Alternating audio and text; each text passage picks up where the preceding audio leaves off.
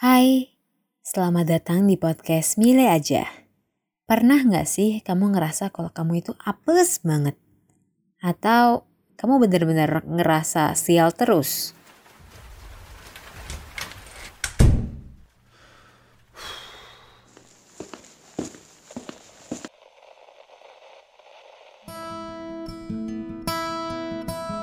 Kisah dan cerita hanya di podcast Mile aja.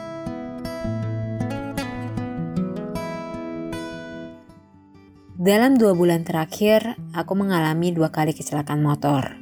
Yang pertama 16 Desember aku tertabrak mobil dan 18 Desember rem motorku blong. Yang di mana saat aku tarik remnya malah makin kenceng. Yang ingin ku tekankan pada episode kali ini adalah aku ingin menceritakan dua kegiatan, lebih tepatnya kecelakaanku ini yang bukan karena aku ngebut, bukan karena aku nggak hati-hati, bukan karena aku salip-salip, tapi ini aku merasa aku bener-bener kena sial aja gitu. Apes aja. Kecelakaan yang pertama, aku ada di daerah Jembatan 5. Jadi pas pagi sekitar jam tujuan deh, itu jalanannya sepi tapi itu masih banyak motor. Di depanku itu ada motor, beberapa, tiga atau empat deh kok kalau nggak salah. Dan kami itu berdempetan. Aku jalan lurus terus karena waktu itu aku pergi, aku lagi perjalanan pergi ke kantor.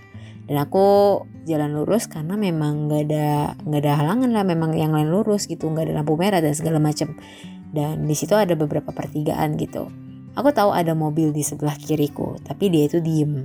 Dan karena motor depanku dan kami mepet juga, di, mereka itu jalan. Ya udah dong, aku jalan. Tapi pas aku maju, ya aku nggak tahu kalau misalnya pas pas aku maju mobilnya itu juga udah jalan. Dan itu aku berdempetan sama mobil depan, tapi yang ketabrak cuma aku. Aku jatuh dan aku terbanting.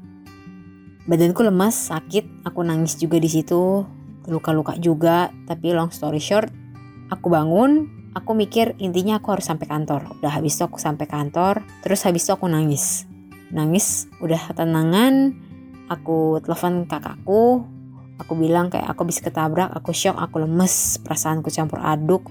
Tapi habis itu aku tetap kerja sampai sore. Dan pas jalan dan pas jalan pulang aku deg-degan aku lemes tapi mau nggak mau aku pokoknya harus sampai rumah. Dan aku mikir kayaknya besok aku ke kantor tapi lebih siang karena paginya aku bakal kayak ke dokter sama terapi urut gitu-gitulah. Dan di situ karena aku merasa ini nggak parah dan aku nggak pengen orang tua aku tahu, jadi aku cuma bilang ke kakakku dan anggaplah aku nggak kenapa-napa. Dan habis itu badanku udah ku urus, habis itu aku langsung servis motor di hari yang sama. Dan sudah diperbaiki dan motorku baik-baik aja katanya. Kecelakaan yang kedua terjadi pada malam hari.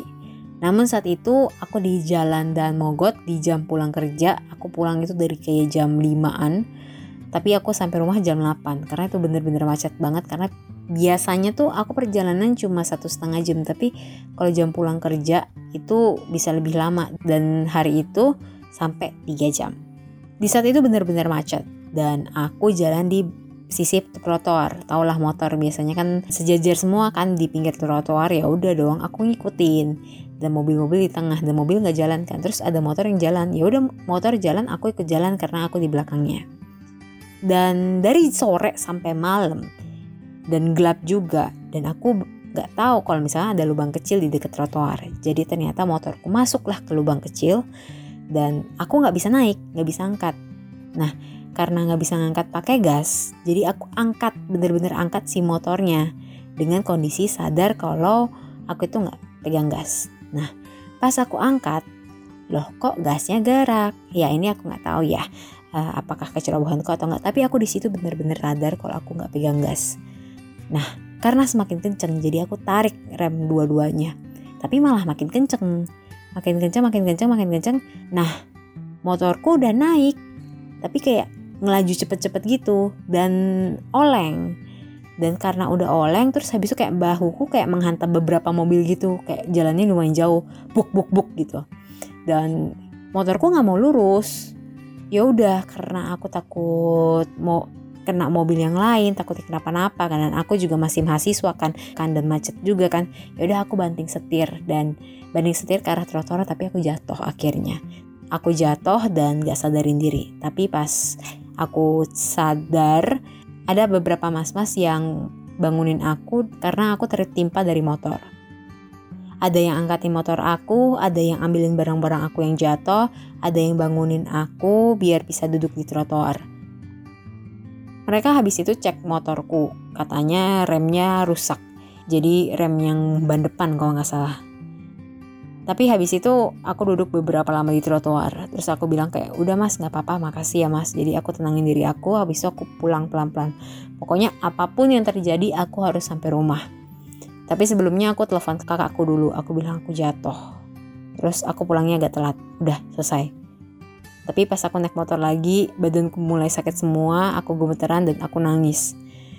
Dan aku ngendarin motor penuh dengan ketakutan, bener-bener takut banget, sakit banget badanku sakit semua. Tapi kayak dari perjalanan aku harus sampai rumah kan. Jadi aku lanjutin dari Daan Mogot ke rumahku di daerah Cipondoh. Dan kecepatan motorku itu nggak sampai 20 km per jam.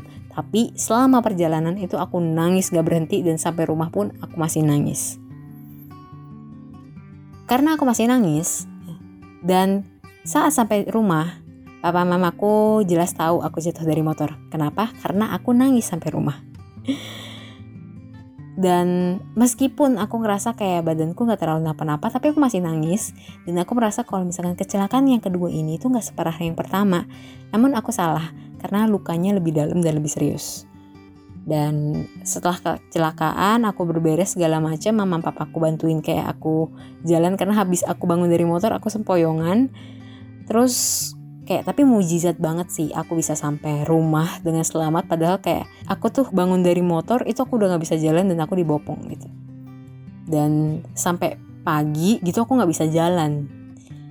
Jadi pas malam pas udah sampai rumah pas aku udah beres-beres aku langsung uh, telepon atasanku ngomong ke seniorku kalau misalkan aku izin cuti.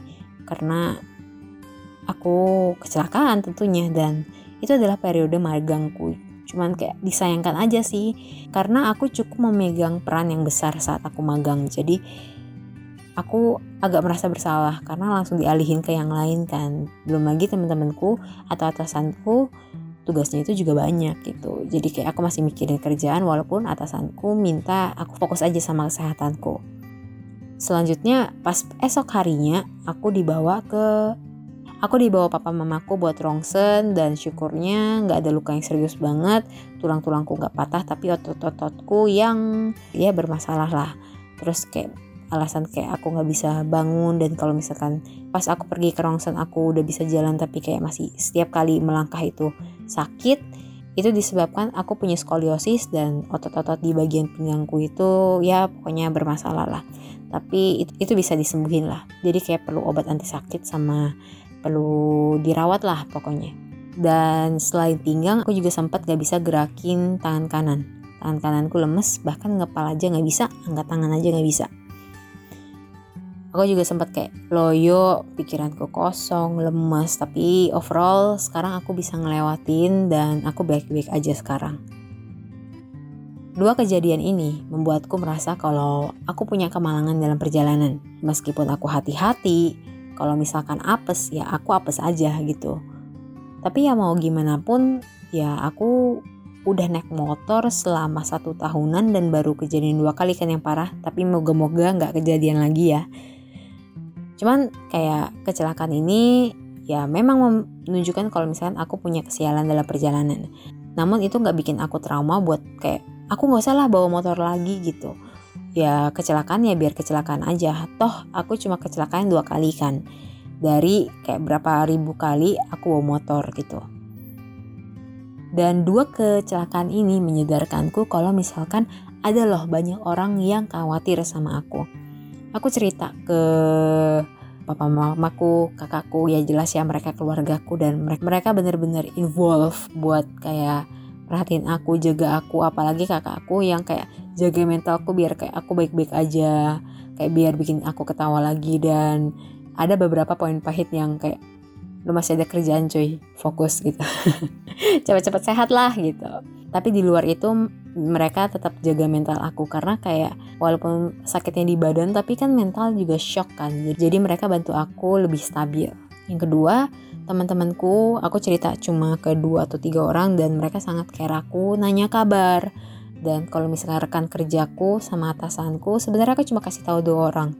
Tapi bisa menjabar ke banyak orang. Sebenarnya kayak entah jadinya bocor ya tapi mungkin karena tanggung jawabku dikasih ke yang lain. Terus yang lain juga kayak emang Mile kenapa nggak bisa dikasih tugas? Karena gini gini gini gini. Dan aku ngerasa aku cukup bersyukur karena aku magang di tempat aku magang sekarang. Karena kayak mereka juga nanya kabar kayak Mile gimana ya? Cepat sembuh ya ingetin aku jangan fokus sama kerjaan dulu fokusnya sama badan kamu dulu. Perhatiin badan kamu karena walaupun kelihatan baik-baik aja dalam diri belum tentu benar-benar baik gitu. Jadi kayak mereminder aku kayak mereka juga ingetin aku buat mungkin aku jadi refleksi diri aku itu kenapa-napa nggak aku itu masih baik-baik aja nggak dan mereka yang mendorong aku buat mengingatkan itu. Dan aku melihat kalau misalkan mereka itu jadinya care banget sama aku dan belum lagi karena aku shock, aku sakit dan lain sebagainya, aku perlu loh menangani pikiran, menyembuhkan luka-lukaku dan luka-luka ini yang dirasain tubuhku dan dari dulu aku itu nggak terlalu mempedulikan tubuhku ini, bentuk fisikku ini. Jadi aku jadi lebih fokus, lebih merhatiin apa sih yang terjadi dalam diriku ini. Jadi mereka juga se-care itu buat terus minta update kabarku. Bahkan kayak rekan kerjaku yang gak terlalu ku kenal malah memberikanku hadiah biar aku cepat sembuh beberapa episode sebelumnya di podcast Milih aja mungkin aku cerita tentang kalau aku punya pengalaman buruk karena pertemanan atau yang lain sebagainya. Namun kayak dari kecelakaan ini aku sadar kalau misalkan sekarang aku itu memiliki kondisi hidup yang lebih baik loh dibandingkan yang dulu. Minimal sekarang ada orang lain loh yang lebih memperhatikan aku. Dulu nggak ada tuh. Dan dua kecelakaan berturut-turut ini membuatku jadi yang pertama kehilangan aktivitasku lagi ya. Kayak aku harus lewatin event di kantor dan aku stop ketemu orang-orang karena aku bahkan gak bisa jalan. Namun kayak aku itu gak sepenuhnya merasa kalau misalkan ini tuh kesialan loh. Aku ngerasa kalau ini walaupun musibah aku bisa melihat beberapa rasa syukur, beberapa berkah mungkin bisa dibilang. Salah satunya adalah kejadian ini mengingatkanku bahwa lingkunganku yang sekarang itu lebih baik daripada lingkunganku yang dulu. Terus aku juga diingetin bahwa kayak mungkin aku juga harus lebih waspada sih. Kalau memang sial sial aja sih. Jadi reminder lagi. Dan di situ aku ngerasa kalau misalkan dua kecelakaan ini nggak buruk-buruk banget lah. Dan dari kedua kecelakaan ini malah membuatku lebih maju, lebih positif dan lebih baik di mataku. Di sini aku ngelihat kalau aku benar-benar sial. Tapi aku ngerasa ini bukan benar-benar kesialan loh. Coba deh kamu lihat lagi, pernah nggak kamu benar-benar ngerasa kalau kamu mengalami ini tuh musibah, ini tuh kesialan. Nah kalau pernah, coba deh kamu lihat dengan sudut pandang yang berbeda. Siapa tahu musibah itu ternyata adalah sebagian kecil kesialan yang ternyata memberikan berbagai banyak dampak buat hidup kamu untuk kamu yang sekarang maupun yang masa depan. Demikian podcast Mila aja kali ini. Aku Mile dan sampai jumpa di episode selanjutnya.